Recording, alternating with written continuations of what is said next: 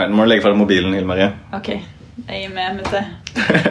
Tell me about it. Ok, Vi eh, snakket litt om vi vi hele tatt trenger ledere, og tydeligvis så trenger vi fortsatt ledere selv om vi har kundeorienterte, tverrfaglige, myndiggjorte teams. Eh, og de lederne skal tydeligvis være mine tjenere. Er det liksom greia? Er liksom, You wish. Ja. Nei, jo, altså, men det er ikke, det er ikke helt usant. Eh, og jeg lufta jo liksom det her som jeg syntes var så spennende med fleksibel ressursallokering, og fikk litt sånn lunken eh, respons fra deg. altså, ressursallokering. Hvem er det som kaller folk for ressurser? Er liksom, Nei, men poenget er jo Grunnen til at vi da snakker om ressurser, er jo fordi at er det mennesker, er det penger, er det kompetanse? Altså det, det kan være litt åpent, da. Hvilke ting er det som skal være fleksible? Hva, for Ulike bedrifter ser litt ulikt på det. Noen ledergrupper er veldig opptatt av budsjetter, faste årlige budsjetter man skal følge opp, og de skal leveres på. Og hvis ikke de leverer fylt opp, så skal man eh, får man kanskje mindre penger til neste år og den type der. Og så noen bedrifter de ser på, på ressurser som menneskene, og hvis de skal prøve å få i gang nye initiativer, så sier de vi trenger så og så mange mennesker for å få dette til lykkes. At man teller eh, verdien eller ressursene gjennom mennesker. Det, er, det er litt ulikt hva folk legger i begrepet ressurser, litt avhengig av type bedrift man Ja. om. Det er jo bare en sånn sekkepost for, eh, for å slippe å liksom liste opp alle typer ressurser du kan ha inn i en bedrift eller i et prosjekt. Ja. Okay. Men nok om det. Men poenget er jo det at uh, Fleksibel menneskeflytting. Ja, men ikke hvis man skal jobbe sånn her Vi snakker om det at eh, ledelsen kanskje møtes hyppigere. Og så gjør man en sånn, tar man en sånn fot tilbake. Hvor står vi? Skal vi gjøre noen endringer? Eh, da må du jo også være i stand til å på en måte flytte rundt på, på ulike ressurser da, i selskapet. Hvis du sier at nei, men nå skal vi ikke bruke mer tid på den vaskemaskinstolen. ikke sant? Sorry, men det, her, vi legger den død. Og da er det sånn, da sitter du plutselig med et team der som har jobba med den stolen. Eh, og så bare Ok, hva skal vi bruke dem til? Skal vi putte dem inn på andre team? Skal vi opprette et nytt team? Eh, og hvis det er et team som skal jobbe med et helt nytt område, f.eks. Eh, ja, la oss eh, se om vi får en sånn partnerskapsmodell mellom dem som bygger leiligheter, og eh, Bosch, da, som lager vaskemaskin, f.eks. Hvilken type folk trenger vi inn der? Det er ikke nødvendigvis sånn da, at det teamet som jobber med den stolen, er det riktige teamet til å jobbe med det. Så da må du begynne å rokere om, da. Men mener du at man skal sparke de som har jobba livet av seg for å utvikle en eh, vaskemaskinstol? Nei, ikke nødvendigvis.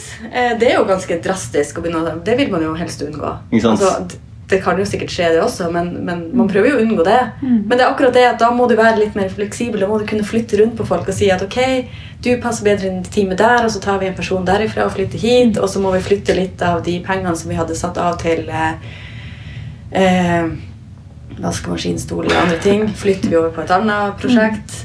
Og vanligvis ikke sant, så er det jo sånn tradisjonelt så er det en, en årlig greie. Men hvis du skal være skikkelig fleksibel og smidig eh, og, og fortløpende liksom, eh, teste ut hva som funker og ikke, og så justere retning, så må jo også hele den jobben med å flytte rundt på ting være litt enklere. I dag i de fleste bedrifter så er det ikke enkelt. Folk er knytta til en avdeling, og de har på en måte budsjettmål på knytta til den avdelinga. Um, så det, det tror jeg blir en ganske stor lederjobb eh, for de bedriftene som ønsker å bli smidige. Det å klare å knekke den nøtta. Liksom, hvordan gjør de det her? Og så er det også en kultur, og det er jo en kulturdimensjon i det òg. For du, du, du må jo ha mennesker da som, som står godt i endring, som jobber i bedriften òg, ikke bare lederne, da, men, eh, men resten av organisasjonen. Vi ser jo eksempler på bedrifter som nå eh, omorganiserer og flytter på folk, rett og slett bare for at folk også skal lære seg eh, å bli flyttet på. Eller at de lærer seg å bli vant til endring. da. Men altså, så lederen sin jobb i den fremtidige verden her er da rett og slett å, altså folkforflytting liksom, og folkplassering? Prioritering også, kan man se på, Ja, kalle det.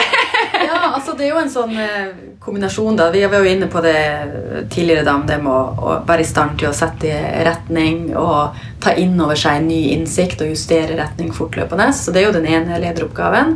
Og så må du jo da også, idet du justerer retning, så må du nødvendigvis også flytte rundt på ressurser. Og da må du ja, da, da må du styre bedriften på en annen måte enn du kanskje har gjort tidligere. da. Ting er ikke så, så satt nødvendigvis. Og det krever kanskje det også krever litt mer av deg som personalledere òg. Ja. Ok, ja. Så det er et menneskelig aspekt inni her som uh, vi kanskje ikke skal touche så mye innom. Men Kommer litt tilbake til det, kanskje. Ja, ok, ja. Eh, men la oss si det eksempelet med det teamet som jobba med vaskemaskinstolen, som nå ledelsen har funnet ut ikke har, en, eh, ikke har rett å leve videre. Bare et lite innspill der. Det er ikke ledelsen som har eh, kommet på det. Det er Nei, teamet som har funnet ut at det her var ikke en så god idé allikevel. Ikke sant? Og så har leden sagt OK, I believe you. Men er det da lederen som sier da ok, men da skal dere begynne å bevege dere inn i eh, leilighetsplan, eh, utarbeidelse og regulering og eventuelt eh, vaskeritjenesteutvikling? Eller er det de folkene som selv sier men nå som ikke vi lenger har eh, behov for å utvikle en vaskemaskinstol, så skal vi heller se hvor, vi kan bidra i resten av organisasjonen? Vi snakket om autonomitet eller myndiggjøring og måte forflytning av beslutningsmakt. Det er jo et interessant perspektiv, da. Det, men, eh, men det er jo fortsatt det, altså, det er jo fortsatt ledelsen som på en måte kjenner eh, også til helheten i alle si, kapabilitetene eller de egenskapene som organisasjonen har, og fortsatt må det stå opp mot retningen, da. Det kan jo hende at det er teamet som må jobbe med vaskemaskinstolen, sier at eh, du, eh, det her, det her slo ikke an. Men det vi ser, er jo at for vi ser det at folk vil ikke ha vaskemaskin i leiligheten sin. i det hele tatt. Så vi tror det hadde vært bedre å teste ut en slags vaskeritjeneste. Og så kan ledelsen si ja, det høres fornuftig ut, men vi har allerede et team som jobber med det. Eh, og så kan du si at ok, men dere har noe nyttig innsikt. Kanskje du skal inn i det teamet da, og bistå dem videre. Mm. Og kanskje du skal jobbe med noe helt annet. Eller vi har en backlog med andre ting vi ønsker å se på, så da oppretter vi et nytt team som skal jobbe med noe helt annet. Mm. Jeg tror, ikke, jeg, tror det, jeg, tror ikke det er egentlig mangel på ting de kan drive med som er, som er utfordringen. Men det, jo, det, det som jeg tror ofte skjer i noen tilfeller, er også at eh, ledelsen eller bedriftene da, de oppdager at ok, nå er det superviktig. Dette her er det vi skal ha fokus på nå. Nå er det superviktig at alle jobber mot akkurat den, det ene konkrete behovet eller verdien man skal skape. Og så må man kanskje låne ressurser fra ting som er mindre viktige i en periode. da. Folk. Ja, som du kaller det. Men det, det trenger jo ikke bare være folk. Det kan jo også være at eh, vi har eh, budsjettert med at uh, det her prosjektet skal få uh, en million. Mm. Og men så ser vi nå at vi trenger å jobbe mer med et eller annet som er mer viktig. Så må du jo både flytte liksom Folk og penger. penger. folk og penger og ja. Mm. Men ok, alright. så det handler egentlig om at en leder sin rolle i denne verden her er å eh, ha en helhetlig oversikt over hva som skjer i både markedet og i selskapet sitt.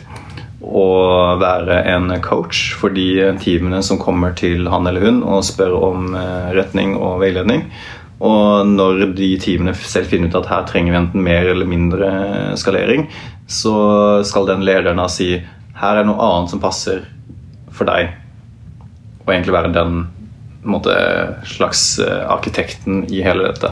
ja Tilrettelegger for eh, det. Ja, en slags arkitekt. Altså det er jo, oppgaven blir jo på en måte å som du sa, ha oversikt, eh, liksom måle eh, hvordan det går, evaluere, og så prioritere. Mm. For man har jo, De aller fleste bedrifter har veldig mye de ønsker å gjøre på en gang. Så noen må jo liksom sitte og prioritere litt, og også sørge for at folk ikke går i, i beina på hverandre. Mm. Bruke ressursene sine på en god måte. da. Hvordan prioriterer man? F.eks. basert på innsikt. Ja, første omgang. ja. Eh, og så er det jo også et aspekt med at bedriften skal gå rundt, så man vil jo se også på forretningsverdi. Eh, så verdi for kunde, verdi for forretninga, og så gjerne på gjennomførbarhet. Man, Typisk så vil man kanskje ha en litt sånn portefølje med både eh, ting som man kan realisere litt kjapt og få inntjening på ganske raskt, og ting som er mer langsiktig, som kanskje er mer radikale innovasjoner, sånn som man har lang perspektiv. Og så er man god på å sette gode og tydelige mål. eh, Så blir prioriteringen også enklere. da. Og de målene må selvfølgelig ikke være en løsning. Ikke sant? Posisjon eller en retning. Helt riktig, Mutte. Nå er du god. Takk, Hille Marie. All right, ok. Takk for nå.